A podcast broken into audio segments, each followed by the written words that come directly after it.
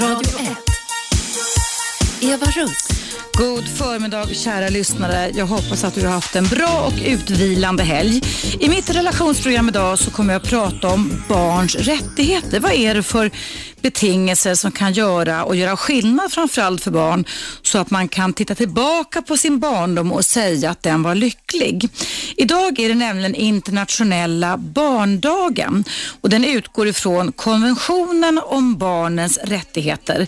Den här dagen firas eller uppmärksammas framförallt då i Sverige den första måndagen i oktober och idag är det då första oktober. Så därför så tänkte jag att jag vill uppmärksamma den dag för att våran barndom har en enorm enorm inverkan på hur våra, eh, våran lycka blir, hur våra känslomässiga upplevelser blir men också hur vi kommer att uppleva att vi kan gå framåt och lyckas i våra kärleksrelationer. Eh, jag tänkte först börja prata lite och kommentera om den här lilla flickan, algeriska flickan Hadil, som var så extremt uppmärksammad förra veckan. Jag hade ju då eh, äran och eh, att få vara inbjuden till SVT Debatt från Göteborg i torsdags kväll där ett antal personer debatterade eh, den här lilla flickans öde. Och du kommer ju säkert ihåg, det kan inte ha undgått dig som lyssnar, att det alltså handlar om en liten tvåårig flicka som är, kom vars föräldrar, i alla fall mamma, kommer ifrån Algeriet som blivit född på Lunds lasarett ehm, och som har blivit lämnad efter några veckor i famnen på en, som de påstod, eh, vän till mamman. Jag var ju själv på plats nere i Göteborg och tyckte att det var lite märkligt att Belinda Olsson som leder debatt inte ställde frågan till den här mannen som då kom fraktandes ifrån Malmö i ilfart till debattstudion i Göteborg om han var pappan till barnet. Jag fundera lite på om det var så att det var ett krav att han inte skulle få berätta att han var pappan till barnet. För den här mannen berättade då bland annat att han var, visste att det var den här kvinnans barn eftersom han ytterst adekvat och som man skulle, som man skulle ha pratat om huruvida vad, vad det gällde då den här lilla flickan Hadil. Eh, vi hade lite tekniska problem här, som du tyckte att någonting försvann så var det så att det är lite fel på mikrofonerna. Men nu tror jag att det faktiskt har åtgärdats det hela i alla fall. Så där, nu ska vi se. Eh, det har blivit lite fel på tekniken här idag. Det är tokigt det där när det blir så. Så vad jag pratar idag i alla fall om det om barns rättigheter. Och jag började prata idag i direktsändning om den här lilla flickan Hadil vars öde har kommit att engagera stora delar av Sveriges befolkning så också kungahuset förra veckan. Och jag var själv då på plats i SVT Debatts studio nere i Göteborg och eh, förundrades över att eh, den ditkörda mannen som påstår sig ha varit med och sett när den lilla flickan föddes. Han var säker på vem, att det var hon och att han kände hennes mamma hade klippt navelsträngen. Men han fick aldrig frågan om han var flickans pappa. Sen fick jag höra i eftersnack på debatt att han kanske då själv befinner sig i en annan relationssituation eftersom han då sa till reportrarna på webb-tv på SVT, det kan gå in och lyssna på själv och titta på också för den delen att eh, han själv var gift nu och att hans fru var gravid. Så det är ju en väldigt, väldigt knepig situation det hela handlar om. Men det som då är så knepigt och som jag tycker det vi med all rätt kan uppmärksamma här idag i mitt relationsprogram det är ju då vad barn har för rättigheter och vad ett, eh, vad ett litet barn som blir lämnat och sen blir ja, den här mannen då blir satt, som han sa själv i TV, i, eh, som, får, alltså, som nyfödd, några veckor gammal, får bollas runt till främmande människor i Malmö-Lundtrakten där barnet far extremt illa. Den här lilla flickan hade alltså ytterst svåra skador på kroppen och hjärnan när hon kom in till Lund igen då hon föddes när hon var drygt fyra månader gammal. Och då så slog man larm och då togs vårdnaden, eller vad man nu ska kalla det för, från den här mannen som uppenbarligen lider av ett extremt dåligt omdöme. Ett extremt dåligt omdöme. Mamman sägs det sen då skulle ha tagit sig till eh, Paris eh, för att hon skulle ordna bostad för barnet. Så har inte skett. Men det som jag också funderade lite över när jag satt där i den här SVT Debattstudion, det var då att de påstod då att mamman till den här lilla flickan Hadil idag jobbade som lärare i en skola i Algeriet. Och är man då lärare så har jag i alla fall föreställningar och egna erfarenheter eftersom mina båda föräldrar är just lärare, eller har varit lärare, att då är man kanske lite mer barnkär och mån om barns väl och ve än om man jobbar på med andra områden i livet. Och en kvinna då som, med all den tragik, med all respekt för detta, som då jobbar med barn som inte söker upp sitt eget barn. Och det var också det jag sa, TV tycker jag blir väldigt, väldigt konstigt. Det är inte barnet som ska söka upp sin förälder utan det är föräldrarna som ska söka upp barnet. Och Det kan inte heller vara så att bara för att det blir en enorm exponering över denna lilla flicka att hon nu då skulle då utvisas till Frankrike till ett barnhem så kommer plötsligt den biologiska föräldern på, oj hoppsan, jag har ett litet barn också. Ja, visst, ja det har jag, som är två eller två och ett halvt år gammal.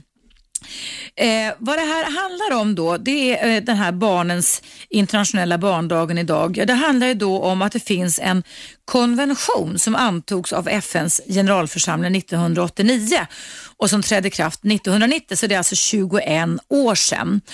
Och eh, regeringar liksom världen över erkänner då att alla barn har lika värde och att de ska tillförsäkras de rättigheter som anges i konventionen utan åtskillnad på grund av ras, hudfärg, språk, religion, etniskt ursprung, handikapp eller någonting annat. Och här kommer det som gällde den här lilla flickan Hadil inte minst, att barn har rätt att, att, att, att vid alla åtgärder som rör barn ska barnets bästa komma i första rummet. Barnets bästa ska komma i första rummet. Och att barn har rätt att säga sin mening i allt som rör dem själva att bli respekterade.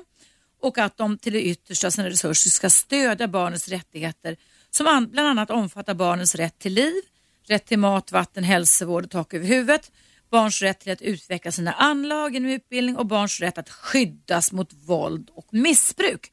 Och Jag tror att det var det som upprörde stora delar av Sveriges befolkning förra veckan när fallet Hadil eh, exponerades. Nämligen den att en liten, liten nyfödd flicka vars mor av olika anledningar ändå är tvungna att fjärma sig ifrån det nyfödda barnet, överlåter i princip då vårdnaden, det var inte på papper, till en högst, högst opolitlig person som definitivt varken kan ge ett nyfött barn omvårdnad eller beskydd. Och omvårdnad och beskydd är centralt för att människobarnen ska kunna överleva. Det här lilla barnet bollas sen runt hos människor som misshandlar barnet tills eh, det nästan dör, den här lilla flickan dör och då blir de hemdetaget på sjukhus. Och under de här två åren så har eh, mamman sökt kontakt med sitt barn en enda gång. Och under de här två åren så har den här lilla flickan fått precis det som man skulle önska att det var barns rättigheter världen över, nämligen en trygg bas. Hon har genom sin eh, fosterfamilj i Småland fått, lyckats få det som då barnkonventionen faktiskt strävar efter. Att barn ska få en trygg uppväxt, en trygg hamn och därmed få möjligheter till både god omvårdnad och att kunna utforska omvärlden så att man kan bli en hel människa som också kan eh, benämna sin egen barndom som lycklig. Nu är det ju tyvärr så att alla barn eh, och alla vi vuxna som har varit barn en gång i tiden tyvärr inte har fått uppleva den här lyckliga barndomen. Vi har inte heller blivit skyddade av FNs barnkonvention och alla de rättigheter som finns. Och Självklart är det så att fallet Hadil upprör eftersom det också handlar om den här önskan som givetvis finns att ett barn ska kunna söka upp och hitta sin biologiska förälder. Inte minst så märks det i de här programmen som har kommit genom årtionden, spårlöst försvunnen och spårlöst och så vidare, där man när man är äldre söker upp sitt barn. Så att självklart är det så att för ett barn som inte har fått växa upp med sin biologiska förälder, där man har fått höra att de är någon annanstans, att det kan väckas en önskan om att ta reda på vem den är. Men den känslomässiga anknytningen, alltså den anknytning som leder till att man får en harmoni inom sig, att man kan titta tillbaka och prata om sin lyckliga barndom. Den får man med de personer som barnet har en obruten kontakt med under de första två, tre, fyra levnadsåren. Det är framförallt de åren, sen är ju resten av livet också jätte, jätteviktigt. Men det ska vara en obruten relation där barnet har en trygg hamn, en trygg bas där det kan göra utflykter och där föräldrarna är trygga, förutsägbara, intresserade, nyfikna och eh, eh, ser sitt barn för vad det är och också uppmuntrar att utforska världen och när världen känns läskig och farlig så har barnet möjlighet att kunna komma tillbaka till mammas och pappas eller fosterföräldrarnas eller vårdnadsgivarnas famn. Och det här är superviktigt för att barn ska kunna må bra och kunna utvecklas till hela vuxna människor. Det hänger samman extremt mycket med psykisk hälsa eller rättare sagt psykisk ohälsa. Ja, du lyssnar på mig, Eva Rust, det är direktsänt relationsprogram. Idag handlar det om barns rättigheter eftersom det är idag i Sverige den internationella barndagen. Vad har du för erfarenheter av att ha en lycklig eller olycklig barnbarn? barndom? Ring in till mig. Numret är som vanligt 0200 11 12 13. Nu är det dags för en liten paus här på Radio 1. Vi hörs alldeles strax igen.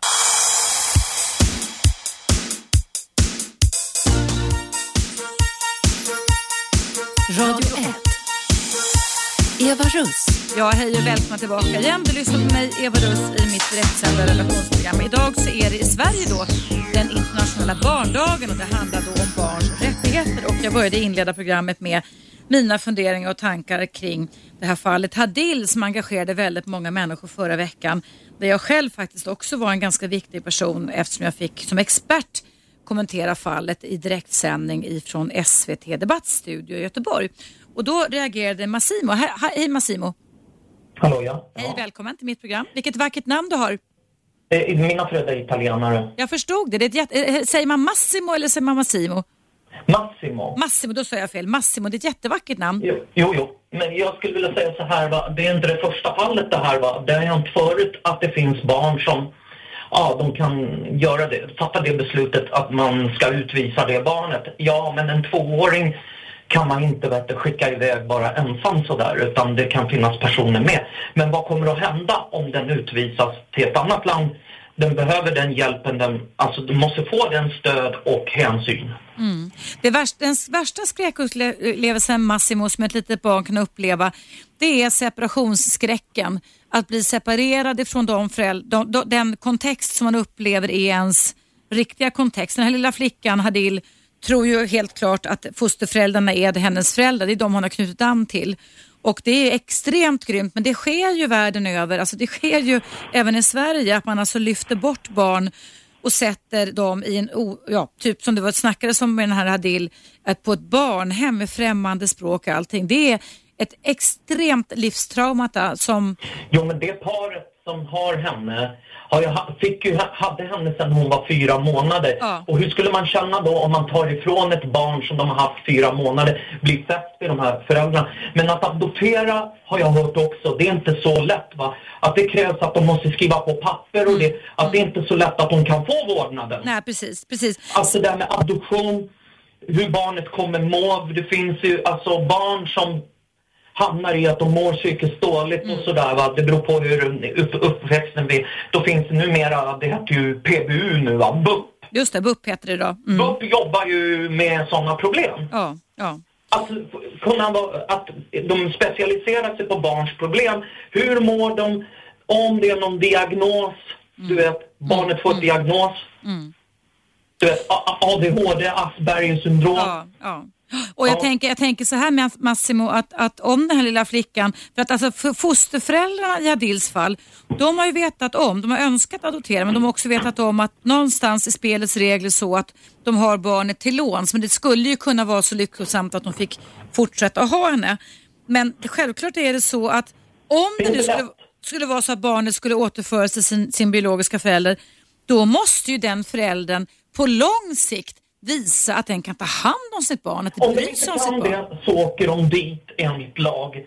Eftersom det finns så här att om man inte kan ta hand om sitt barn, mm. men att göra så här, att lämna ett barn på ett sjukhus. Halvt ihjälslaget också var det, mm, var hon. Vad sa du? Hon var halvt ihjälslagen också. Ja, alltså hon blev misshandlad, barnet. Ja, ja. ja, men då är inte de eh, godkända som föräldrar då, om man gör så. För det finns föräldrar som jag vet inte hur de fostrar, va? att en del har växt upp med stränga föräldrar, att jag fick stryk när jag var liten, Mm. säger de då. Alltså det har med en uppfostran att göra. Men du vet, det där är svårt för att när vi pratar om att det finns barn som får problem eller när man blir äldre och tänker, ha hur var det när de berättar att jag hade inte så roligt i min, min, min barndom var inte så kul. Och det är det här, det är psykologi va? Av- Att det är det här med att det blir mycket psykologiskt det här. Man tolkar det psykologiskt.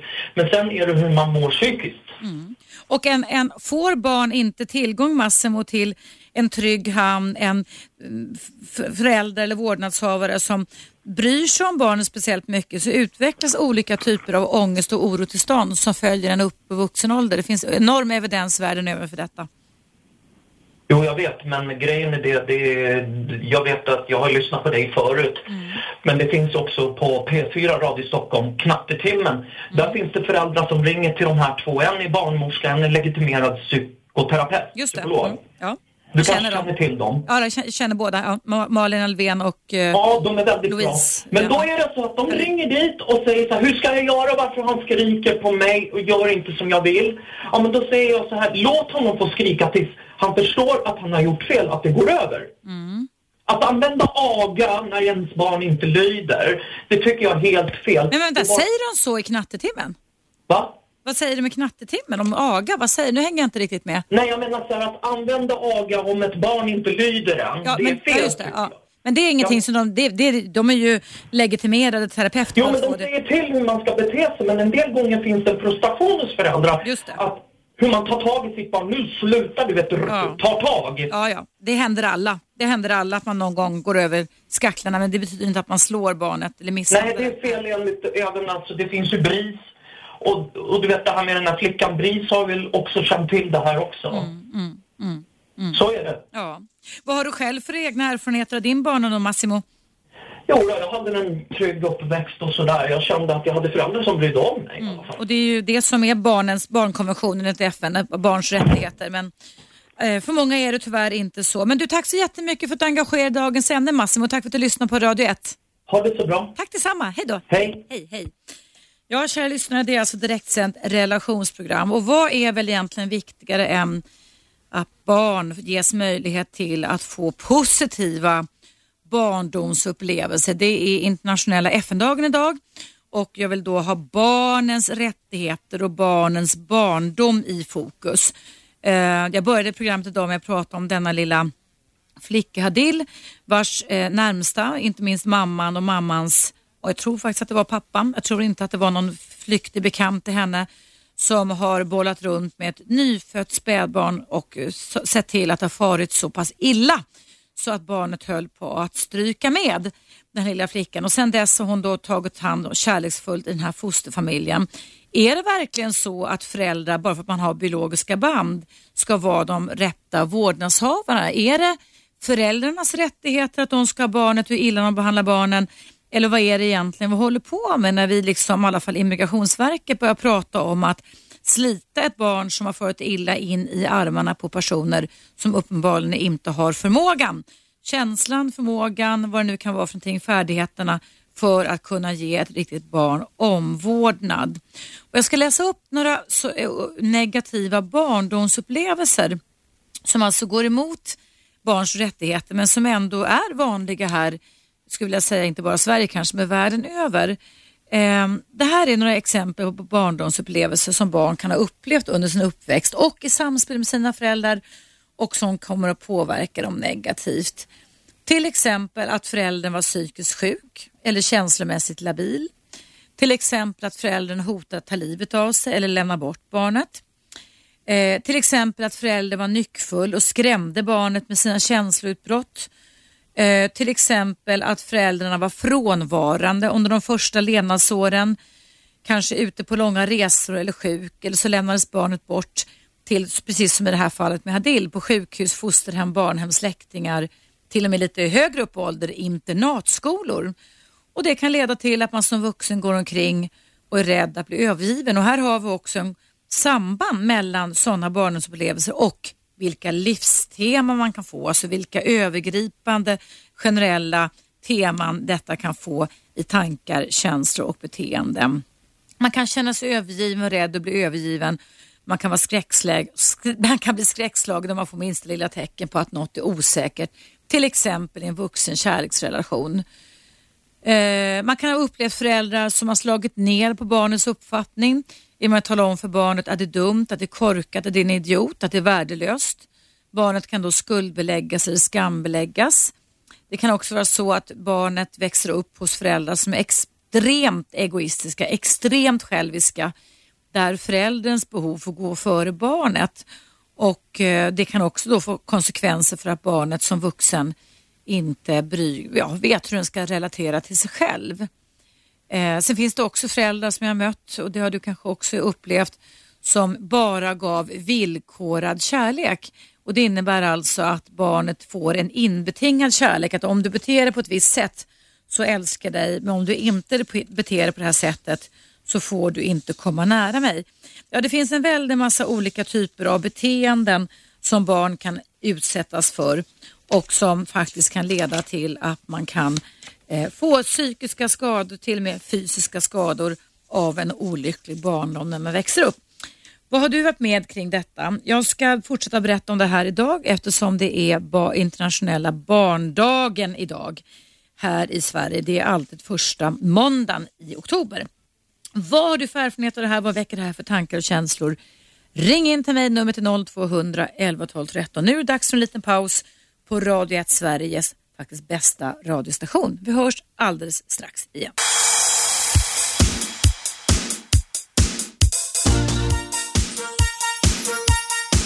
Radio 1. Eva Russ. Varmt välkomna tillbaka. Den första måndagen i oktober här i Sverige så är det internationella barndagen.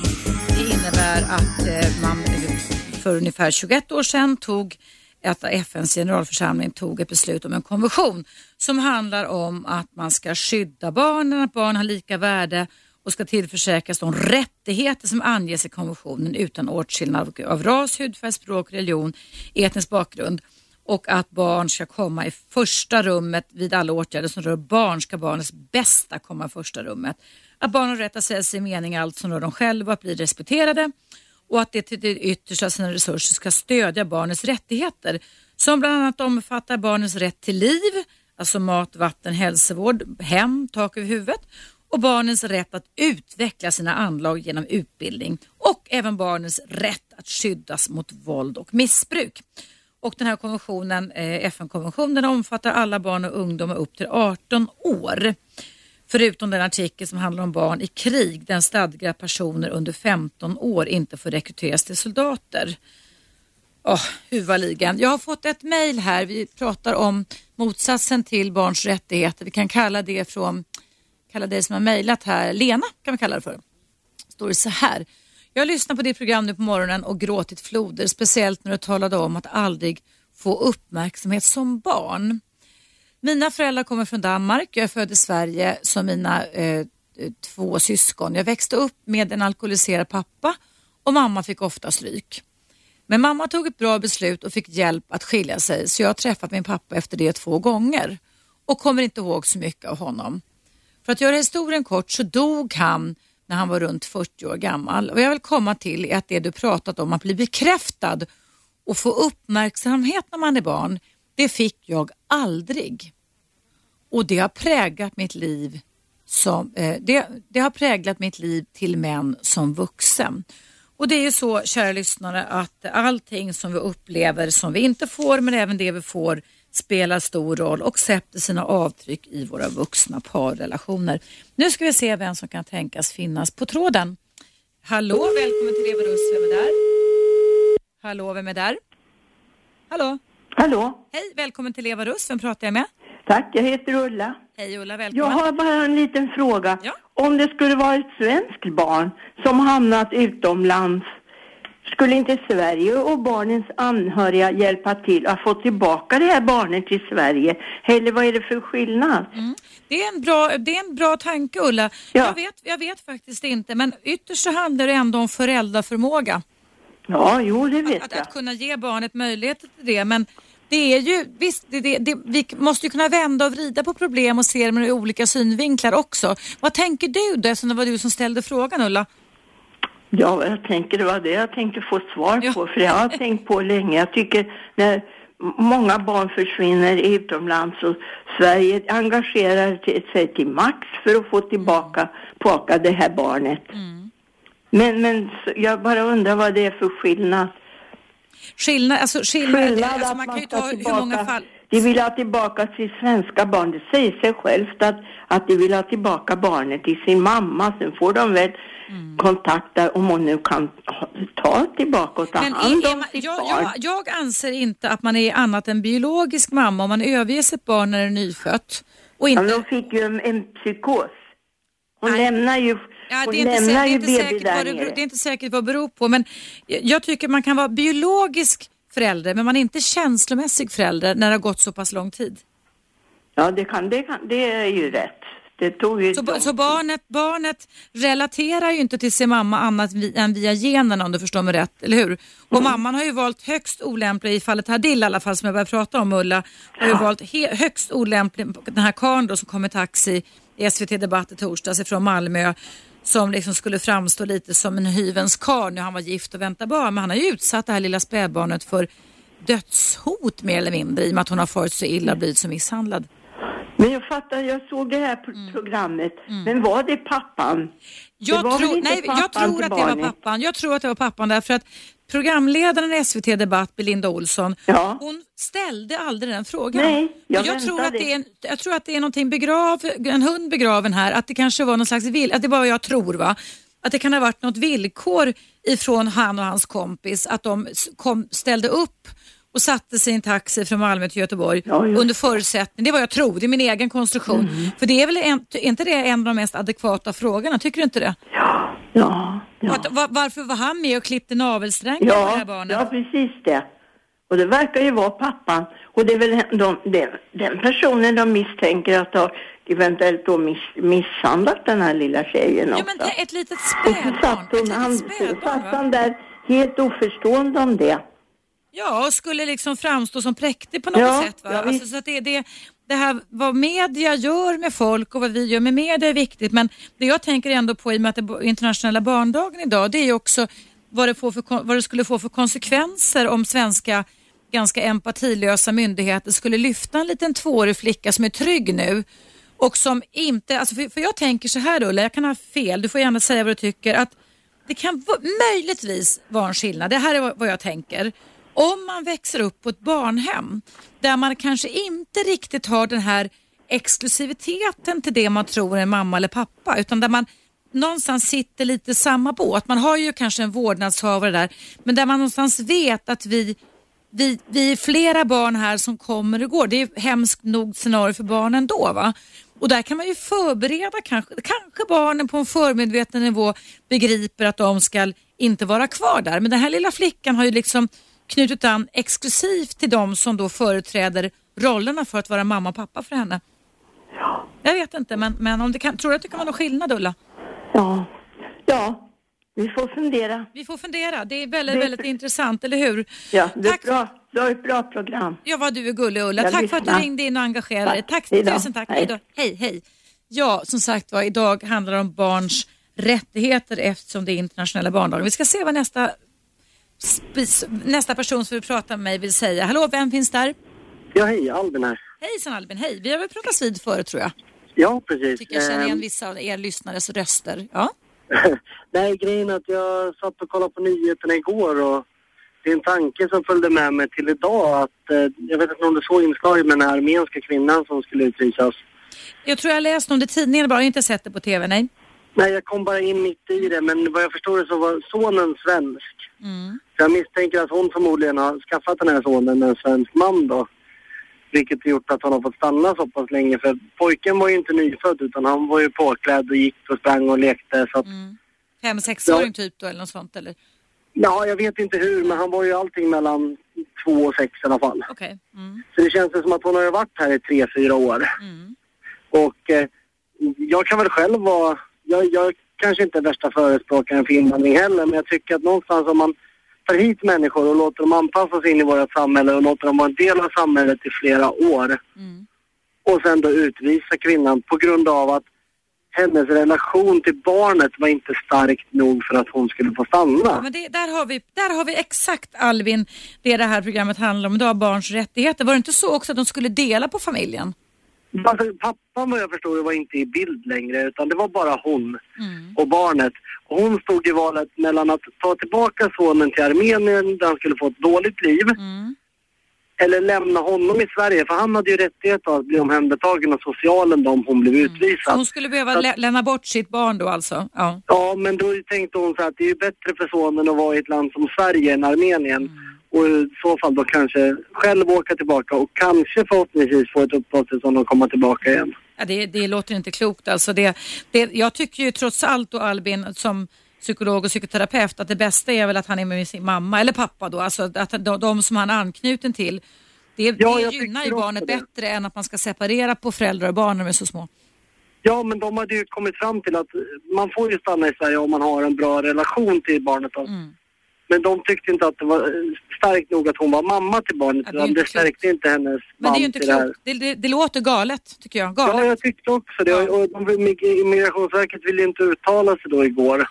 Men, men det, det stör mig så mycket, särskilt det här liksom att ska vi ha invandring så får vi faktiskt ta vårt ansvar lite också. Mm. Det får inte vara så mycket byråkrati som det är utan Nej. alltså vi kan inte hålla på och behandla människor så här. Utan då är det bättre i sådana fall att stå och mota vid grind i sådana fall. Mm. Mm. Om man ändå tänker förstöra så många liv tycker jag. Alltså då, Ja. då kan man lika gärna göra det på en gång för de har ju levt i det här landet uppenbarligen i tre, fyra år. Det är hjärtlöst, det är så empatilöst, alltså det är så fruktansvärt när sådana här ärenden sker som du också nu uppmärksammar Albin så att eh, jag hittar knappt några ord för vad jag tycker om det. Ja, men det känns nästan som djurhantering, att vi märker upp dem och sätter dem i systemet och sen, nej nu var det dags för slakt liksom. Och, Det, det är lite intressant, jag tror jag sagt det tidigare i mitt program att jag skulle nästan vilja se personprofilerna på de som blir anställda på Migrationsverket så att säga. Vad är ja, det? jag, jag, jag tror de har det jättesvårt också. Det, är, det är en svår uppgift men man, någonstans så måste det vara extremt hu- hårdhudade människor som någonstans också har väldigt, väldigt svårt att känna empati och dela känslor med andra människor. Samtidigt så måste man ju i vissa samman, sammanhang i, världen och i livet och i jobbet ha den typen av förståelse. Många chefer på många stora verk kan ju inte ligga sömnlösa om natten men det här gäller ju människor och människors fortsatta liv. Hur man ska kunna leva ett bra liv. Det är det som är så upprörande. Du Albin, tack för att du uppmärksammade det här fallet också. Jag ska titta Ja. på det i en liten paus som kommer här nu. Det ser att det är många som börjar ringa så jag tror, du, igång- jag tror du drog igång en debatt kring det också. Det är jättebra. Absolut, tack så mycket. Tusen tack, hej hej. Eh, ja, kära lyssnare, det är idag är internationella barndagen. Du och jag pratade nyss med Albin om ett nytt fall här där man ska separera mor och barn. Nu är det dags för en liten paus här på Radio 1. Jag heter Eva Russ. Numret in till mig rakt in i studion är 0200 11 12 13. Jag ser att det ringer här. Jag tänker besvara era samtal i pausen som kommer här.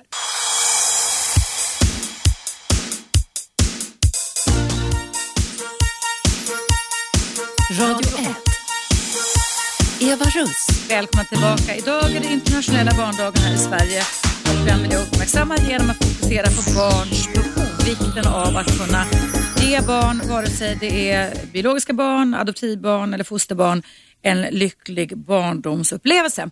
Och då ringde Ann-Marie in. Hallå Ann-Marie. Hallå, Hej, välkommen. tack så mycket. Du, men jag tänkte på detta. Jag, jag såg det här debattprogrammet och jag har följt det lite och sådär. Alltså Det- SVT det- Debatt pratade vi om i torsdags. Om hade, Hadid, ja, just- just det. Du, eh, det slog mig. Jag har ju under min yrkestid inom, jag är psykiatribehandlare och jobbat inom slutenvård i psykiatrin. Och där har jag haft mycket hand om just asylsökande. Det har varit liksom mitt bord eh, med tolkar och allting. Och vad jag, det är inget, det, asylsökande har det jättejobbigt så det, det är inte att jag vill slå undan benen på dem nu. Men vad jag har sett under årens lopp det är att olika trender, om jag nu får kalla det så, har gått inom de här asylsökande när de söker vård. Olika, Eh, alltså, hos de asylsökande grupperna eller familjerna ja, menar alltså, du? Eller? Ja, familjerna va. Olika beteenden alltså? Olika beteende Eva. vilka beteenden har du sett då? Ja, det, det, det, det som det började med, det var ju de här kvinnorna, för det är oftast bara kvinnor som får vård på psykiatrisk, alltså övervägande är det kvinnor som läggs in på psykiatrisk vård, för att de vill inte leva längre.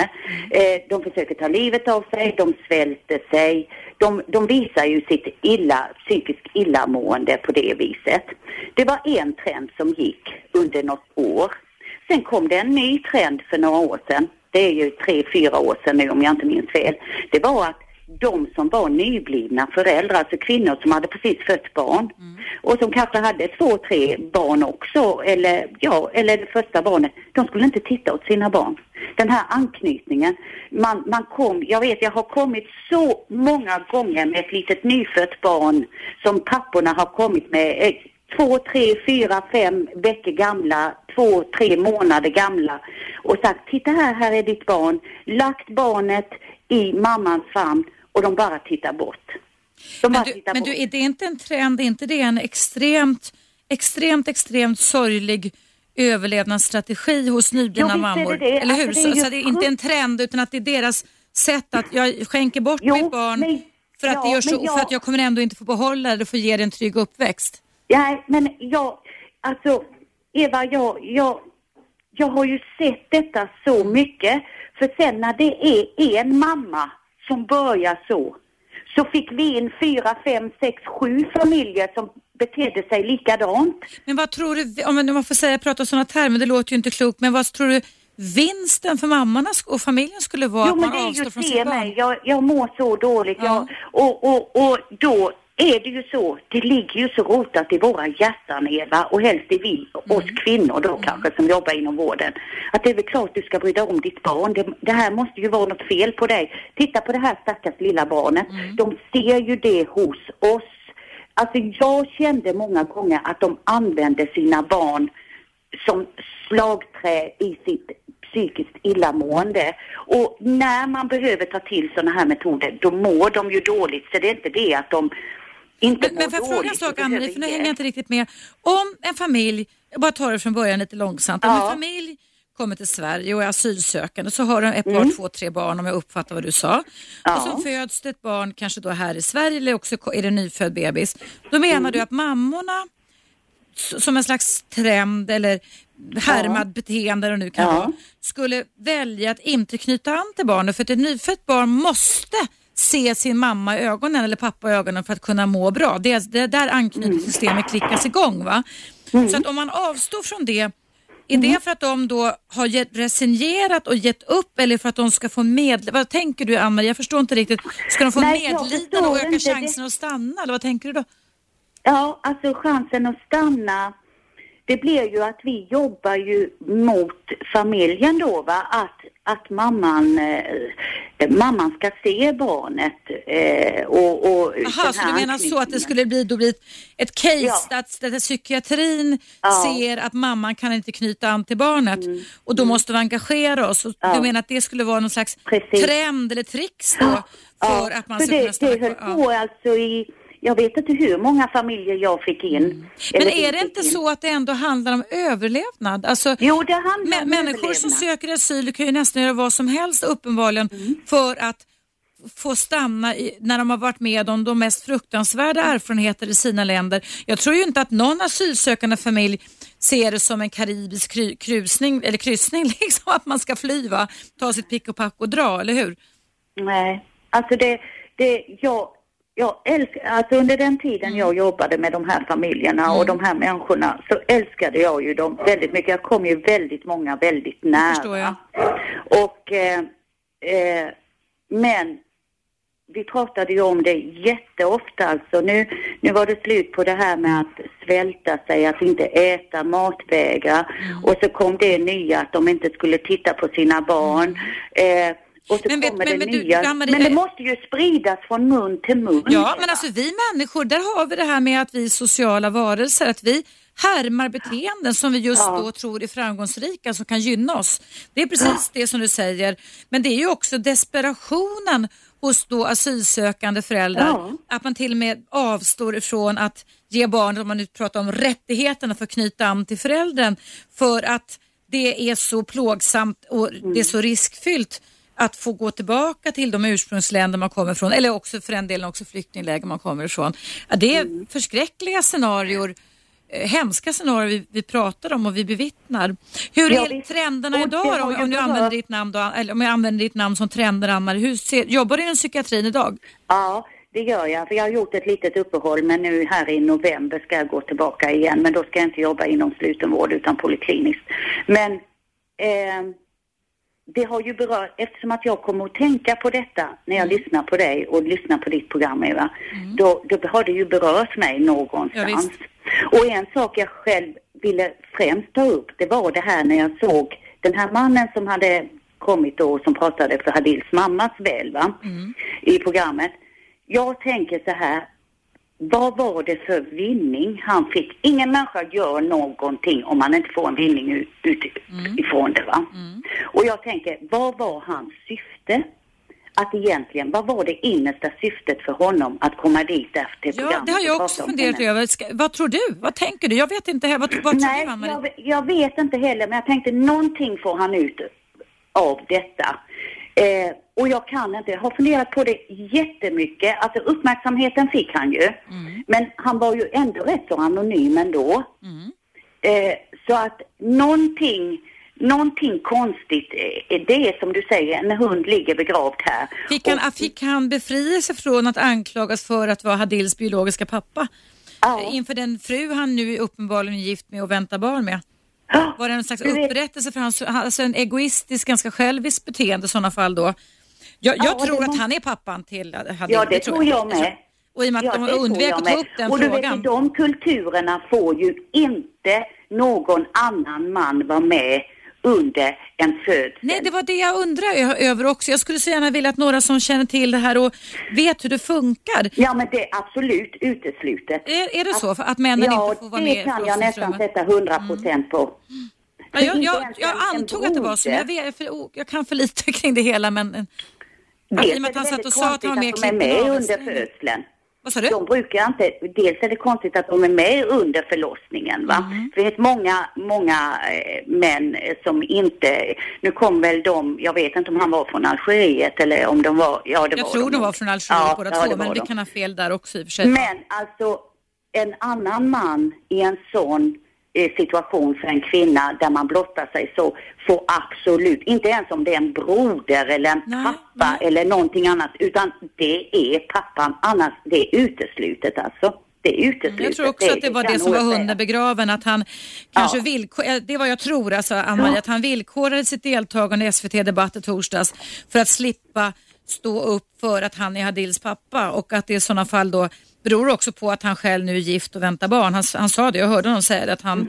han, Man ska han förtjäna sina barn och de förtjänar inte sina barn, Ja. sitt barn. Men vilken hjärtlös, om det nu är Hadils pappa den här Adam, vilken extremt känslokall och hjärtlös och känslomässigt Ja. avkapad person som tar ett litet nyfött spädbarn och låter det fara runt och låter folk slå och misshandla barnet alltså. Och sen så skaffar han nu en ny familj på Nej, alltså det, det är Och extremt, har det är han inte barnets rättigheter. Gjort, det har han ju också gjort då i så fall om vi nu ska spåna i Mm. detta och bara tro saker, vilket vi inte, för vi vet ju inte. Nej, vi vet inte, Men nej. om vi ska tro saker, för det har han ju också gjort utöver ifrån, för han såg ju inte ut som att han var förståndshandikappad eller inte skulle kunna ta hand om sig själv. Nej, nej, nej. Så det har han ju gjort av egen vinnings skull också på något vis Mm, va. Så att jag menar, eh, man Förr, förr lämnade man ut barnen i skogen och lät dem dö. Det här är nästan Ja. lite på samma tema tycker jag nästan. Precis. Och nu är det bli nya och det, det är den nya frun och det nya barnet Mm. som gäller. Och jag säger bara det, eh, jag tror ju inte de utvisar den här lilla eh, flickan. Ja, det får vi hoppas att de inte gör alltså. Och skulle Nej. det vara så så ska ju det vara en enormt lång, alltså det, det, det mest ultimata för mig Ann-Marie som också jobbar inom psykiatrin det är ju då att mamman skulle komma till Sverige och sen skulle man under en lång, lång period låta henne besöka familjen och visa duglighet i att hon kan ta hand om sitt barn. Förstår du? Vi pratar kanske om ett år eller så. För innan man skulle eventu- eventuellt låta vårdnaden gå över till henne. Hon måste ju visa förändrade beteenden och föräldra och omvårdnadsfärdigheter. Annars kan man inte göra så, släppa ett barn på det här sättet. Det går inte. Ja, jag vill bara sluta med de orden och säga att föräldrar ska förtjäna sina barn. Och jag tycker inte någon av de här har förtjänat sitt barn. Jag hoppas, ja, jag säger bara det. Jag håller verkligen med dig Ann-Marie. Tack så jättemycket för samtalet och tack för dina erfarenheter. Vi hörs. Tusen tack själv Eva. Hej då. Hej då, hej, hej. hej. hej. Ja, det var eh, Ann-Marie. Nu är det dags för nyheter här på Radio 1. Det är direktsändning. Dagens tema är eh, internationella barndagen. Alla barn har rätt till en lycklig barndom. Alla kan tyvärr inte få det. Ring in och berätta och dina vart 0200 11 12 13. Nu kommer pausen.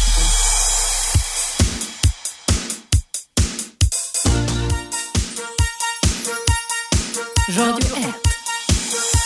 Eva Russ. Välkomna tillbaka hörni. Idag är det dag, eh, internationella barndagen i Sverige och jag har pratat med flera stycken av er här lyssnare om barns rättigheter. Och eh, nu ska jag prata med Claes. Hallå Claes. Hej, hej. Hej, välkommen till mitt program. Tack Eva. Vad väcker det här ämnet för tankar hos dig idag? Ja, pudelns kärna tycker jag man kan gå till när det gäller den internationella barndagen och, och nu har det varit på tapeten väldigt mycket med dels den här armeniska kvinnan och eh, med Hadil. Mm. Eh, Sverige har ju ratificerat barnkonventionen sedan 80-talet och det är ju x antal år sedan. Och finns ju inget lagförslag på det precis, det gör det ju inte. Men däremot så, så är det ju att betrakta som internationell rätt. Mm. Att Sverige ska följa detta och så vidare. Och då kommer ju frågan helt apropå varför finns det så många åklagare där ute i landet som inte begär en förundersökning eller utreder Migrationsverket och deras sätt att handlägga olika ärenden i och med att det uppenbarligen strider mot barnkonventionen och internationell rätt. För åklagare är skyldiga enligt lag. Alltså det är ingenting som de tycker att man kanske ska om utifall att göra. Utan de är skyldiga enligt lag att inleda förundersökning om det finns misstanke om brott. Varför har man inte gjort det mot Migrationsverkets handläggare? Det är en ganska intressant fråga tycker Det är jag. en väldigt, väldigt intressant fråga och jag kan bara spontant tänka mig, Claes, ett svar på samma sätt som eh, jag efterlyser att kollegor till mig, experter som sitter kanske mer förankrade på universitet och forskningsanstalter, varför de aldrig kan öppna munnen och säga sina forskningsresultat kring när det gäller aktuella saker också. Alltså att vi lever någon slags mellanmjölksland där vi hukar och bugar och inte vågar sticka fram näsan och säga, hävda våra åsikter. Visst är det lite så? Ja, Och det var en självklarhet det som du säger nu tycker jag. Alltså det, det, det hela är ju väldigt sorgligt. Och titta, vi kan ju titta på det här Thomas Quick-fallet. Här slåss ju åklagarna fram och tillbaka och kastar pajer på varandra. Och Van der Kvast och Lambertsson och kompani. Och det, det, är ju, det är ju rena rama sandlådan det de håller Ja, på det är med det. Det är, små pojkar, fem år, som sitter i sandlådan med Ja, ja, men spadarna. eller hur. Ja. Det är nästan så att någon tittar, jag har störst då. Ja. Eh, och, och här bör man ju kanske sen istället ta och fokusera på att myndighet, alltså nu vet inte jag vilken eh, myndighet eller organ som är kontrollfunktion på, på Migrationsverket när det gäller kommunens sätt att handlägga ärenden när det gäller barn. Så var det tidigt, tidigare var det ju Länsstyrelsens sociala enhet men numera är det Socialstyrelsen som gör detta va? Jag tror det. Eh, Jag vet inte riktigt. Jag skulle Ja, misstänka att det är så. det, förut var det på det sättet, men nu har ju gått över till Socialstyrelsen att granska de enskilda kommunerna. Då är bara frågan, vem ska granska Migrationsverket när deras handläggare gör så fatala bedömningar som är he- helt Ja, det, det, jag ska inte ens ta de orden i radion, men åklagare har ju en möjlighet att inleda förundersökning. Och bara för att man inleder en förundersökning så innebär det ju inte att personen är, är eh, misstänkt för brott eller något annat. För det får ju rättsvårdande myndigheter visa sen. Mm. Men visa lite stak och jävla namn, ursäkta språket alltså. Men det är... Det är helt okej. Det här är en åsiktsradio, Claes, och eh, det behövs känslor och det behövs tankar med kraftfullhet här också. Det är det som är möjligt till att påverka. Så då får vi väl se om det finns några åklagare som Ja. vågar ta sig an det här fallet och att granska myndigheter och inte att gömma sig bakom den här frågan. Vi kan inte kommentera ett enskilt fall. Det Nej, ganska och det är väl ganska klassiskt, Claes, att väldigt många gör här i Sverige. Det är det jag menar med mellanmjölksland, att vi är så mesiga, alltså väldigt många av de som verkligen kan det är experter. Ingen vågar kliva fram av rädsla för att vad ska hända om jag gör det och så vidare. När det finns kompetens, när det finns expertis och när det faktiskt också kan göra ganska stor skillnad. Vi kan ju ändå se att vi, vad jag tycker är häftigt, Claes, med framförallt det här fallet Hadil, det är att jag, för, för, för flera år sedan så tyckte jag att det var så häftigt att se hur fransmännen protesterar. De blir så förbannade så fort som det händer någonting. Va? Det är bönder och det de blockerar gatorna i Paris och det är potatisodlingar. Och vi börjar ju bli lite så. Jag tyckte det här fallet Tadil visade ändå på hur vi människor börjar engagera oss. Och det är ju då vi som, 20 år gör, som är amatörer om man säger så. Va? Men vi behöver ju de som är experter också. Mm. Nej, man får, får verkligen hoppas att det här tas, ja, tas på allvar. va, För att, Ja, så vi efterlyser Om- om någon det åklagare sitter- som lyssnar på oss idag som kan höra av sig och säga, är inte detta läge för att göra en förundersökning om inte annat? Vem har lust att börja, skulle man kunna säga. Ja, men precis. Vi har, vi har ju chefsåklagare, så det är bara till att börja. Okej, bra. Då får vi hoppas att någon ringer in i sådana fall, Claes.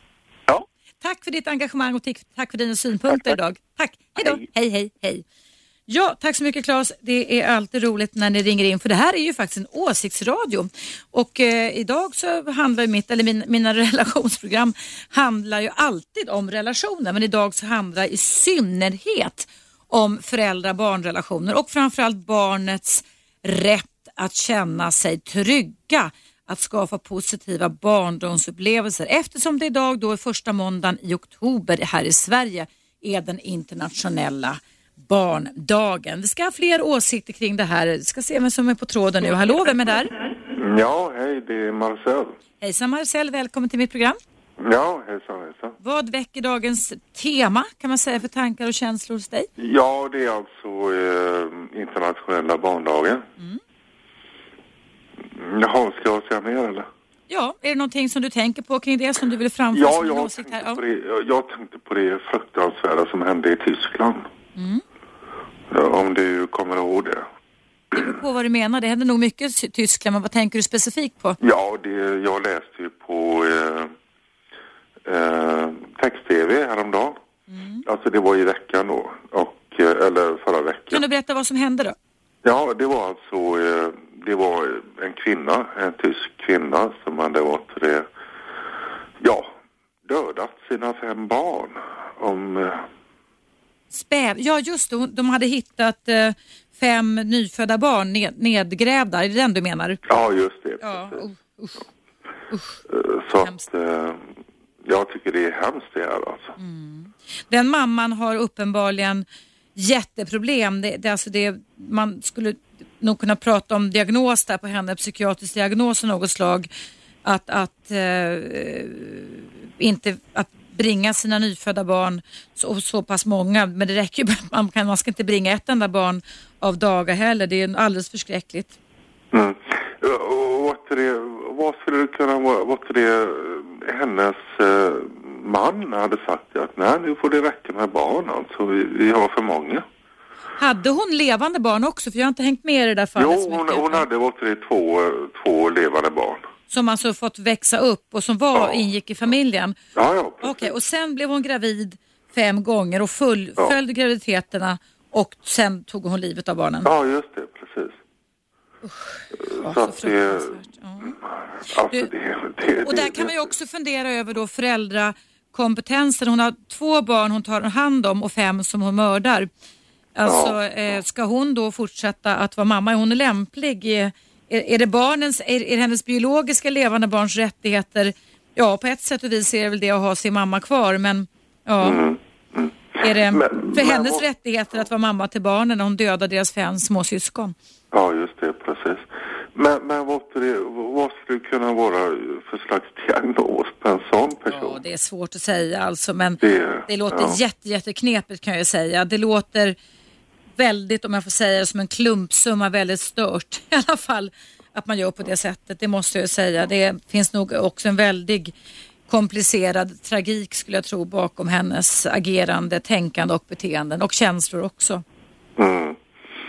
Även i hela familjen skulle jag vilja säga. Alltså det, det blir ju otroligt konstigt en sån familj, i det här fallet i Tyskland. Där, där, där, jag menar, hur, vad ska barnen, de, de barn som nu har fått leva i den här familjen, tänka att mamma är gravid och sen försvinner eh, barnen i magen liksom. Det är ju jättekonstiga signaler. Det, Mm. Det, det, är nog, det är nog läge för omhändertagande tror jag faktiskt. Att då i och för sig rycka barnen från sin trygga bas men det där låter inte som en trygg bas för de barnen som finns tycker jag. Nej, men då kan man förstå, eller måste det tänka på de eh, överlevande barnen, måste det hur de kommer att... Ja, det, det, det, det, det är nog psykiatri ganska lång tid framöver om de någonsin kommer att kunna må bra. Det här är en jättemärklig historia. Mycket, mycket märklig. Ja, verkligen, verkligen. Fruktansvärt. Ja. ja, jag hade väl inte så mycket Ja, mer. nej. Mm. Tack för att du ringde in. Ha det Ja, jättebra. Tack. Hej. Hej. Ja, kära lyssnare, du lyssnar på mig. Det är direktsändning. Det handlar om relationer och idag handlar det inte minst om att det idag i Sverige är den internationella barndagen. Barnens rättigheter står i fokus. Ring in till mig och berätta om dina åsikter kring det här, dina erfarenheter kring det här, dina upplevelser kring detta. Numret är 0200 11 12 13. Nu tar vi en liten paus.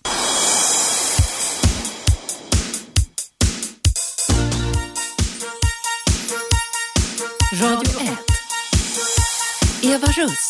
Välkomna tillbaka. Idag är det internationella barndagen som ska uppmärksammas här runt om i Sverige. Och det är ju faktiskt så att sen vi människor började befolka denna jord och blev Homo sapiens, alltså den art av människosorten som vi är i just idag, så har skyddet om våra barn haft högsta prioritet. Lennart, vad vill du säga kring denna speciella dag idag? Ja, det bör man ju uppmärksamma. att Det är problematik det här med barn. Och man brukar ju tala om, ja han hade eller hon hade en lycklig barndom. Jag, jag såg senast programmet, du medverkade i Göteborg va? Just det, i SVT Debatt i förra och veckan. Mm. det gällde den här tvååriga flickan då. Hadil. Och, Adel- och hon hade ju vandrat där mellan olika eh, familjer tydligen och det framkom också att hon hade blivit misshandlad. Ja.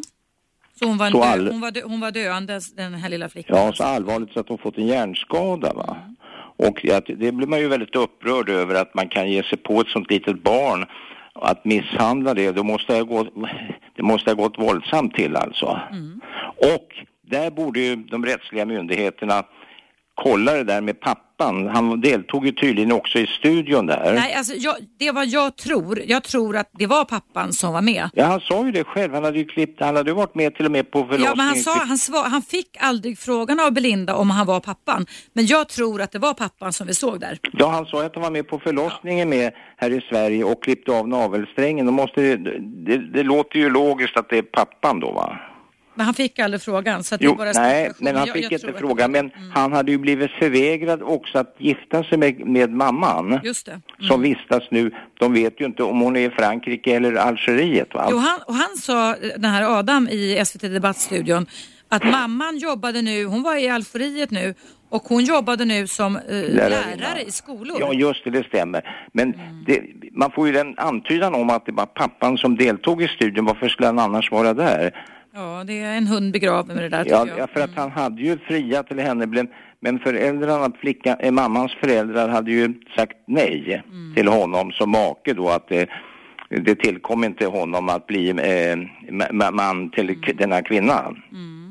Och det är man blir ju väldigt upprörd. Jag tycker, flickan i sig där, de visade ju, de har ju visat i Aktuellt och rapporter, hon är ju väldigt gladlynt och verkar må väldigt bra hos de här, eh, om man kan kalla det fosterföräldrarna nu va?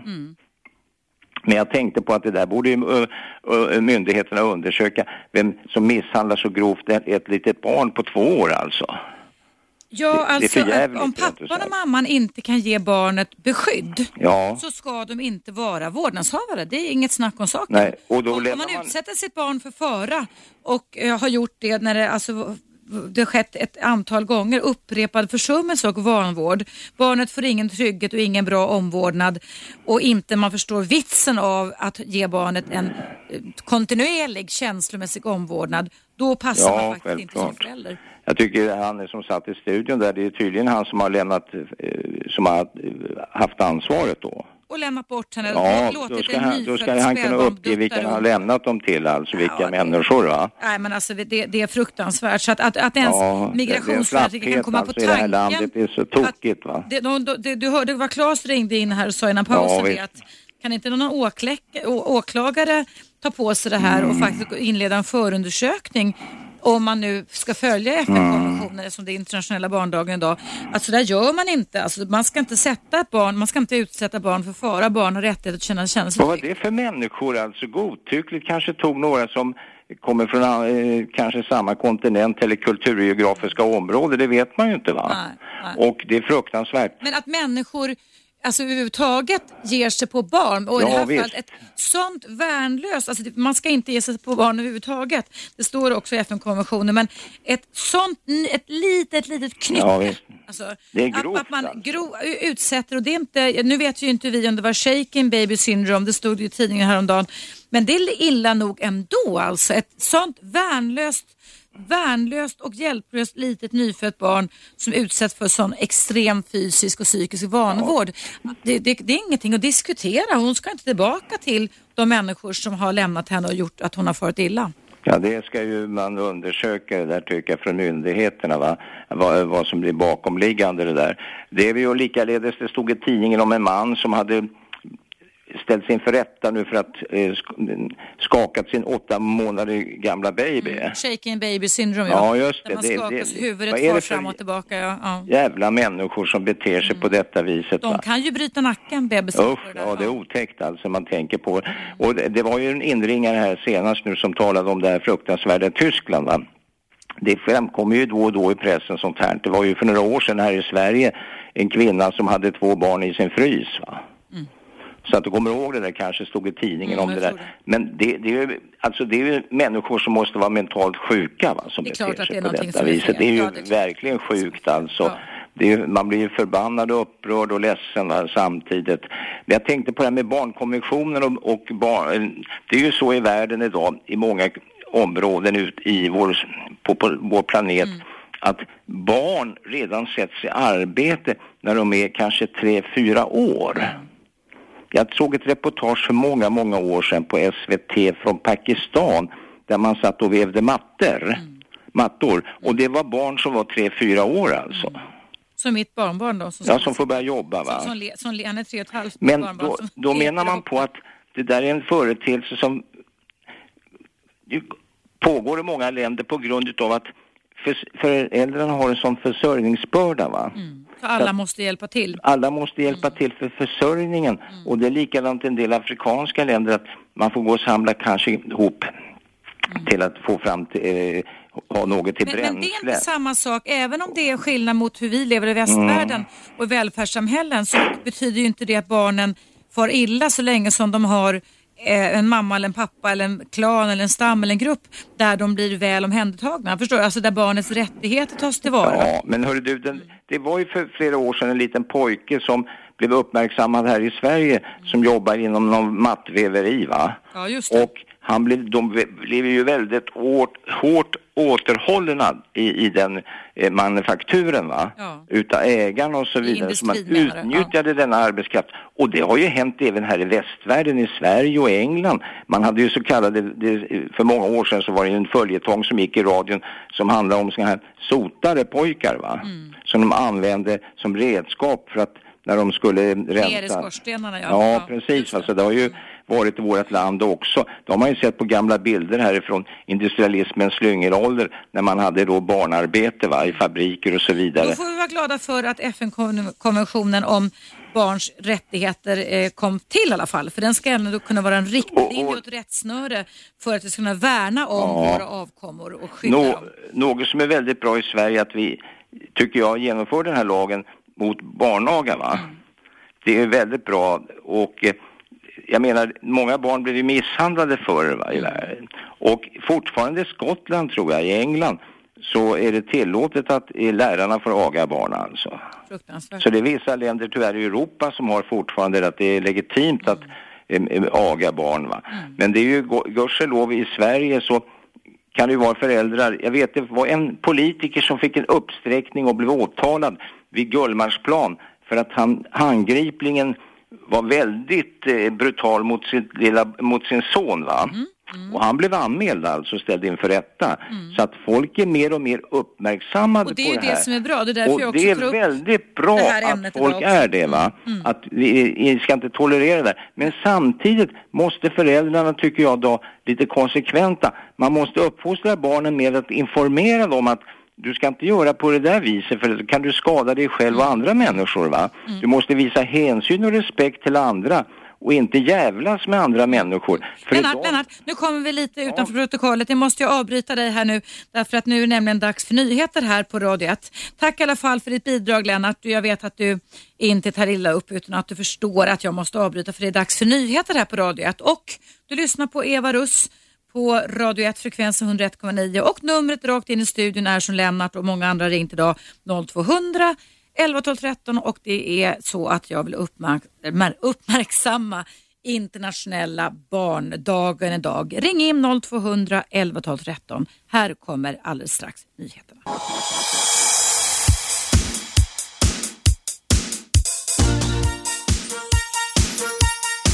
Radio 1. Eva Russ. Välkommen tillbaka. Idag så är det alltså internationella barndagen som firas den första måndagen varje eh, månad i oktober rättare sagt. Och det är en konvention som antogs av FNs generalförsamling 1989 och trädde i kraft 1990. Det innebär alltså att den är då, jag sa 21 år förut, jag måste ju kunna räkna rätt, 22 år gammal eller ung beroende på hur man ser på det. Och vad är det då ett barn behö behöver få för att det ska kunna få det som vi, här, i alla fall här i Sverige, i västvärlden, i vårt välfärdssamhälle pratar om, en lycklig barndom?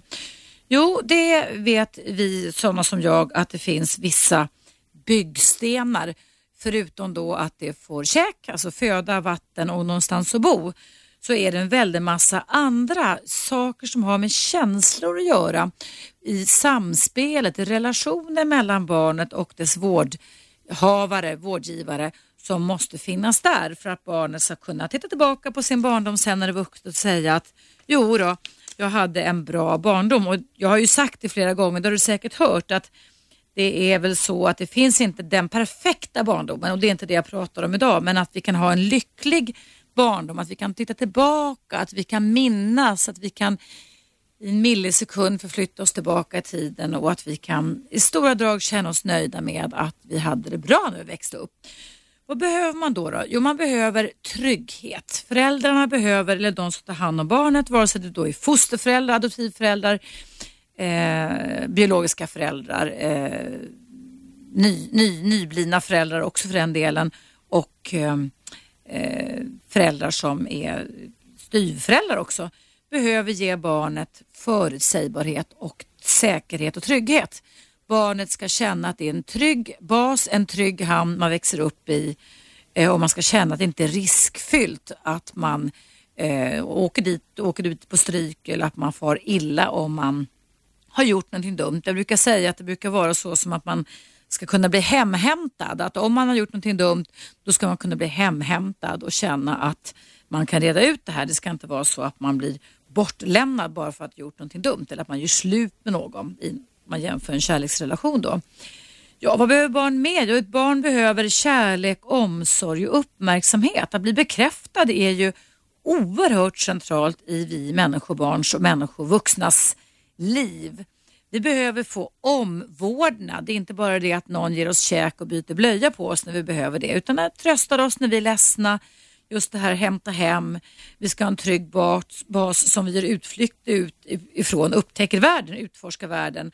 Men sen när vi kommer tillbaka så ska man, mamma och pappa eller de som är ställföreträdande sådana finnas där och ge oss uppmärksamhet, bekräfta oss och vara nyfikna och säga vad har du att berätta då? Vad har du varit med om? Eh, vi behöver acceptans och uppskattning. Eh, att vi får bra coaching när vi växer upp. Att föräldrarna eller de som fanns där för oss säger vad du var duktig idag. Titta här vad vi är stolta över dig. Bra gjort. Eh, att vi har någon att dela våra känslor med. Alltså att vi någon som lyssnar på oss och delar våra tankar och känslor och också utforskar vad vi själva då som barn tänker och känner. Och när vi har varit ute och gjort våra utflykter i verkligheten, in real life så att säga, så ska vi få vägledning, guidance heter det på engelska, så att mamma och pappa eller de som fanns där förr kan säga Ja men hörru du, nu ska jag berätta för dig. Alltså den äldre generationen ska kunna vägleda och ge beskydd och vägleda inte minst ifrån sina egna erfarenheter. Det är någonting som är en evolutionär komponent faktiskt. Att det här känner jag igen och när vi gjorde så här så blev det så här men nu har vi lärt oss att det ska vara på det här sättet istället. Så det handlar alltså om att kunna vägleda och beskydda barnen och kunna bekräfta hur ett barn känner och upplever det. Kunna korrigera barnet också för den delen och tala om att du, det där var inte särskilt bra. Men det betyder inte att du blir utvisad utan mamma, pappa eller vi som finns där för dig tycker om dig ändå. Eh, och Det innebär då alltså att det handlar väldigt mycket om goda och nära känslomässiga relationer och det handlar också om obrutna somnar i största möjliga mån. Eh, det innebär då att eh, man får använda, ett litet barn får använda sina föräldrar som trygga hamnar och att det blir väl omhändertaget och får alla de här basbehoven mötta och får omvårdnad men också alltså att barnet stimuleras till att utforska världen. Så det är både trygg hamn, det är omvårdnad och det är att utforska världen. Och summa summarum då så kan bli av om ett barn har fått en, en upplevelse som den som vuxen kan benämna som en bra och lycklig barndom. Det beror alltså på flera komponenter och det beror dels på föräldrarnas eller då vårdnadshavarnas, fosterföräldrarnas, adoptivföräldrarnas beteenden, alltså hur de betedde sig i kombination med barnets medfödda förmåga och känslighet som bildar grunden till det som då är centralt i ett barns eh, bildande av egen känslomässig status, identitet, syn på sig själv och självkänsla. Eh, och Det är det som kallas då för anknytningsprocessen. Och där säger forskare världen över att det mest optimala för ett barn det är då att ett barn får ha en obruten kontakt under de första en, två, tre, fyra levnadsåren till en och sen då till två stycken eh, vårdnadshavare, alltså en, en stark relation till dem. Då kan barnet sen som vuxen utveckla starka och känslomässiga band, till exempel i form av kamratrelationer, i form av kärleksrelationer eh, som vuxen som också då kan fortplantas och bäras vidare inom den generationen som man sen etableras med som vuxen och då kan man alltså skapa eh, ha, ha en grogrund för att man i sin tur kan ge sina barn sina avkommor en bra uppväxt eller en bra i alla fall upplevelse av att ha haft en bra barndom. Men självklart är det så att det är föräldrarnas egen utvecklingshistoria som inverkar på hur man knyter an till sina barn. Och jag började det här programmet idag och nämna då om det här väldigt uppmärksammade eh, Migrationsverkets eh, hantering av den lilla flickan Hadil förra veckan som engagerade inte bara mig utan hela Sverige. Och där kan man givetvis, även om vi vet att det finns en väldig massa hundar begravna i det här ärendet, fortfarande så att det är bristfällig eh, anknytning och att den här lilla flickans biologiska föräldrar, inte känslomässiga föräldrar, för det är nu hennes fosterföräldrar, men biologiska föräldrarnas eh, egen utvecklingshistoria och kulturella historia säkerligen också spelar väldigt stor roll i hur deras syn var på hur man ska behandla och knyta an och vara nära ett nyfött barn. Och där har man alltså, om vi tar den här lilla flickan Hadil, utsatt henne för sånt som man då i FNs barnkonvention säger att barn inte ska behöva vara med om, nämligen det att de har traumatiskt nog skilts från sina första vårdgivare och inte var nog med det så har barnet farit extremt illa av att bli illa bemött och nästan ihjälslagen, misshandlad, denna lilla Hadil. Och då ska vi ha klart för oss att alla erfarenheter som människobarnet går igenom lagras i det människobarnets minnessystem. Så även om ett litet barn kan sätta på sig ett leende när det är litet och säga allting är bra, jag är så glad och nöjd med mitt liv här, så kommer alla de traumatiska erfarenheter, traumatiska separationer, livshotande situationer som ett barn är med om räfflas in, ristas in i barnets eh, hjärnans eh, central som heter hippocampus och som samverkar med de två som säger, larmfunktioner som vi har i vår hjärna som heter amygdala. Och det kommer att få oerhörda konsekvenser för ett barn när det sen ska växa upp och försöka anpassa sig till ett liv och inte minst ett relationsliv och ett kärleksliv som vuxna. Så tro inte på att de här minnena suddas bort utan allting som vi exponerar barnen för det ger en inverkan på hur barnet sen kommer fungera som vuxen. Därför är det viktigt att vi uppmärksammar FN-dagen idag som handlar alltså om barnens rättigheter enligt barnkonventionen. Vad har du några synpunkter på det här? Har du några tankar och känslor kring detta? Att vi idag firar detta i Sverige? Internationella barndagen, ring in numret 0200 11 12 13 och nu är det dags för en liten paus. Du lyssnar på Radio 1, Sveriges nya pratradio.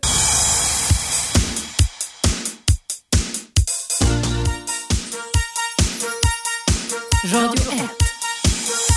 Eva Russ. Mm. Varmt välkomna tillbaka. Idag så handlar det om barnens rättigheter eftersom det är internationella barndagen. Och jag kan berätta för dig som lyssnar att det här som jag sa innan pausen om vikten och vitsen med ett känslomässigt omvårdnadsprogram att det måste etableras en kontakt mellan mamma och barn och pappa och barn när barnet är nyfött. Det är kunskaper som man inte hade, även om man har vetat om i säger, däggdjursriket, vitsen av att man, att man ger djuren en obruten kontakt så att säga med sin mamma då i första hand som det oftast är, det är hon som bär barnet eller bär djuret och sen diare. Det är egentligen bara, vad kan det vara, 60 år gammal kunskap egentligen. Det är nämligen så att själva vetenskapen psykologi som då ordagrant egentligen betyder läran om själen. Den uppmärksammades då egentligen genom att Sigmund Freud i början på 1920-talet, alltså snart 100 år sedan, började utforska själens olika vindlingar och fick, vi fick en massa insikter och konsekvenser kring det här på hans läkarpraktik i Wien i Österrike. Men innan dess så kan du säkert härleda det inte minst till mitt program häromdagen som handlade om hypnos. Att man redan då på 1600-1700-talet höll på med att utforska själen även om det då hade varit en tonvikt på den började kartlägga saker och ting. Inte minst så startade den här kartläggningen av oss genom Linnés kartläggning av alla växter. Det var faktiskt han som var, var en av upphovsmännen till att man också började obducera kroppar och börja få fram anatomi. Och sen så kom då psykologi så att säga, efter det. Men de gamla grekiska filosoferna och många kanske innan dess har också funderat lite över själen eller att det finns något psyko, och psykos, att det finns något annat utöver bara kroppen och kroppens alla vindlingar och vätskor. Men det är i alla fall var alltså på 1940-talet i England och i USA som forskare började studera sambanden mellan vad vi investerar känslomässigt i ett litet barn under de första åren och vad det kan få för effekter på kort och framförallt på lång sikt i vuxenlivet. Och det var faktiskt inte bara det, men det finns behjärtansvärda fall ifrån andra världskrigets England eller Storbritannien där eh, man då fick eh, väldigt starka aha-upplevelser där, där små, eh, små toddlers, eller spädbarn, toddlers är ju ett, ett och ett halvt år gamla, men där barn då blev separerade ifrån sina vårdgivare under andra världskrigets beskjutningar av London inte minst och lades in på sjukhus och där de fick all den här fysiska omvårdnaden. De fick alltså torr blöja, säkert hem, man kan säga så, de fick käk.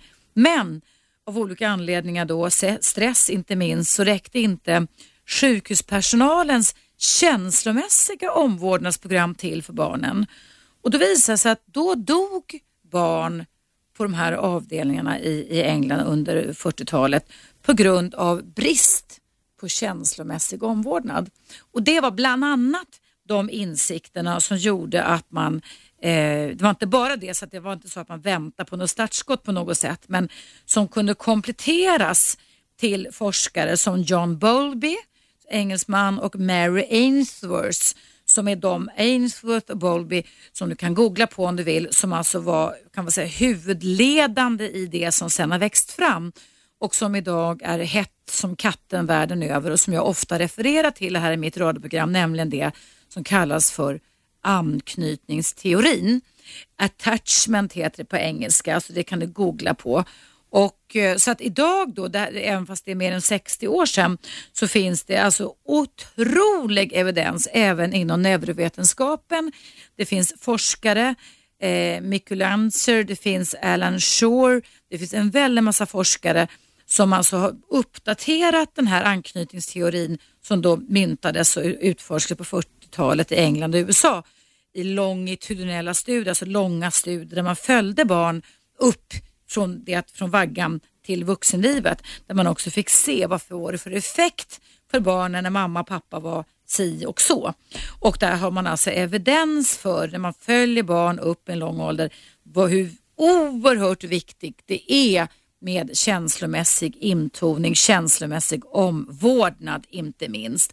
Och det är också det som barnkonventionen faktiskt uppmärksammat. Det handlar inte bara om fysisk omvårdnad, det handlar om känslomässig omvårdnad med. Nu ska vi se vem som finns på tråden i detta nu. Hallå, vem finns på tråden? Ja, det är Lolo här. Hej Lolo, välkommen till mitt program. Ja, tack snälla du. Hörde du, jag tittade, eller rättare sagt debattprogrammet som du var på. Ja, i SVT Debatt, ja. Ja, precis. Jag såg ju bara slutet på det här Mm. programmet, tyvärr. Alltså, sen kom den ju i repris och det missade jag ju då såklart. Mm. Och vad jag är intresserad av att veta, du som var på plats, alltså Mm. hur presenterade eh, de den här Adam, att vem han var? Nej, han- de sa att han presenterades som den som visste vem mamman var till Hadil Jaha. och som hade var den som hade tagit hand om Hadil när hon var några veckor gammal Ja. när mamman åkte iväg till Frankrike under, under en slags, som de sa då, att hon skulle skaffa bostad för sig och barnet. Ja, ja. Och sen kom hon inte något mer tillbaka om man säger så. Nej, det var ju en kvinna här som ringde angående just det här när man är på förlossning, alltså glömde att han skulle ha varit på förlossning och klippt navelsträngen. Ja, jag tror ju inte på det, tror du på Nej, det? jag, nej, nej, nej, jag tror inte på det. Och i så fall om det skulle vara sant, om man ser när de börjar undersöka Mm. lite mer det här runt omkring Hadil och det här så, så för de inte in i journalen sånt där, liksom att vem som har varit på plats. Sen kan ju, jag, jag, jag, det tror jag nog att man gör det i Ja, det är det jag sjukvårdsjournalen. menar. Men, men sen kan man väl i och för sig tänka som så Lola att i och för sig så kan ju någon annan klippa navelsträngen också. Jo, absolut. Men, men i och med att de, har, de är, muslimer, alltså har den religiösa inriktningen, så det är det jag efterlyste att någon kunde ringa in och berätta för mig idag om om det är så, det är ju fantastiskt om det är så att pappor är med under förlossningen. Ja. Men jag tror att det är kulturella skillnader. Jag tror Ja, det. ja, absolut alltså om det skulle vara så. Men, men, men vad jag tänker på det är just det här att vem, som det, vem det än är så tycker man ju att de skulle ha fört det in i journalen. Och sen så det, är- det, det vad, vad heter det, det andra som jag tänker på det är eh, vad heter det? Jo, när han låg. Han låg ju rätt ofta den här Ja. Adam. Men gud vad likt de är varandra alltså Hadil och han.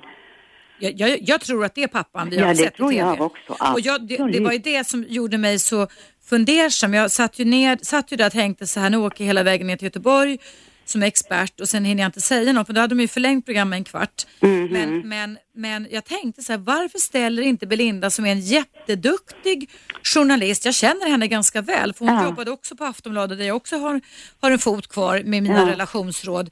Varför ställer hon inte frågan är du pappa till Ja, Hadil? Hon det- gjorde ju inte det va? Och det är det, man, jag funderar så starkt på det när jag åkte upp i fredags morse. Var det ett krav ifrån honom då för att han överhuvudtaget ställa upp? Förstår du? Men nog var han lik henne. Det, det tycker jag också. Verkligen, Ja. alltså verkligen. Och sen så håller jag ju med dig fullständigt alltså att det är ju en hund som är begraven Mm. här alltså. Men sen framöver här om de, vi, vi säger nu när man börjar ta Mm. hand om Hadils ärende och sånt här.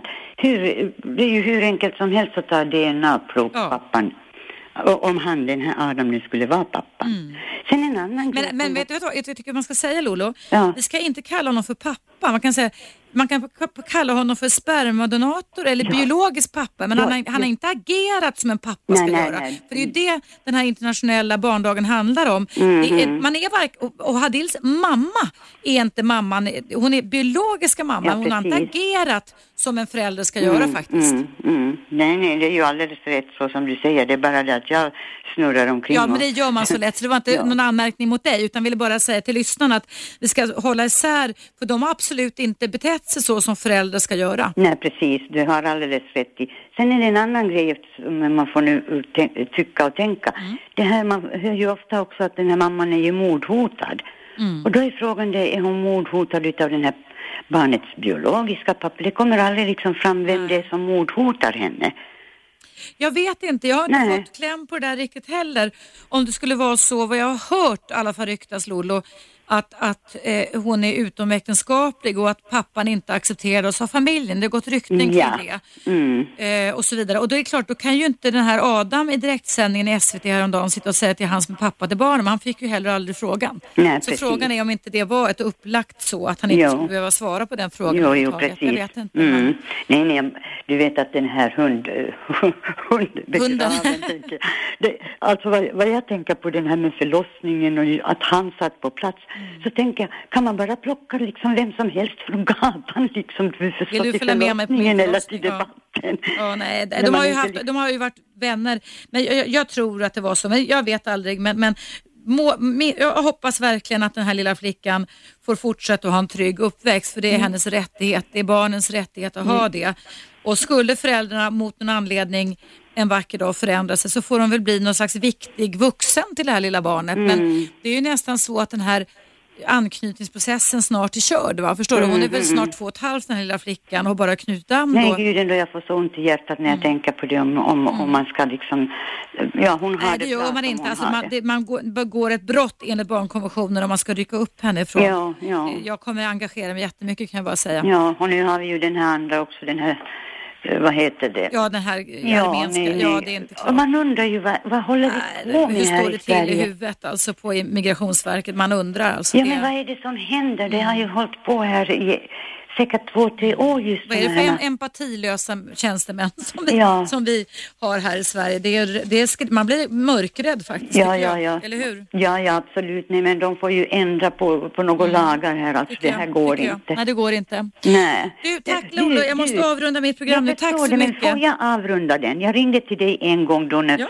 när det handlade om någonting som... Jag ringde om och sa så här att, att äh, när gräset är grön, Ja, just det. ja, och du har glömt att, i så fall har du glömt att vattna din, sa jag. Ja, just det. Och vet du, jag skrattar varje dag när jag hör den här slingan som kommer innan, innan nyheterna, där du har börjat att säga redan lång tid tillbaka det här.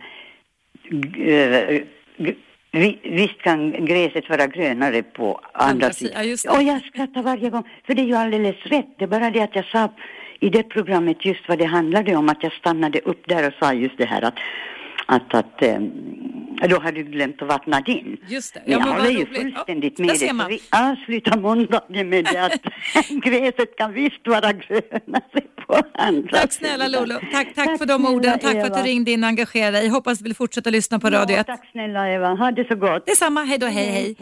Och därmed, kära lyssnare, så sätter jag punkt för dagens direktsända program. Vill du lyssna på det här programmet i repris som alltså handlar om internationella barndagen? Idag så kan du lyssna på det här programmet i repris klockan 19.00 kväll på Radio 1, Sveriges nya och bästa radiostation.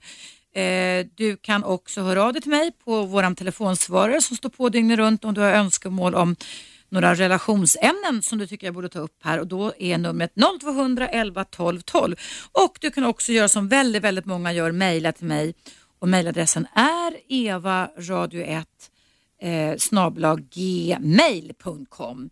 Tack alla ni för har som har lyssnat på mig och som har engagerat er i dagens ämne. Jag hoppas på återhörande imorgon igen och önskar er alla en riktigt bra dag. Hej då! 101,9 Radio 1. Sveriges nya pratradio.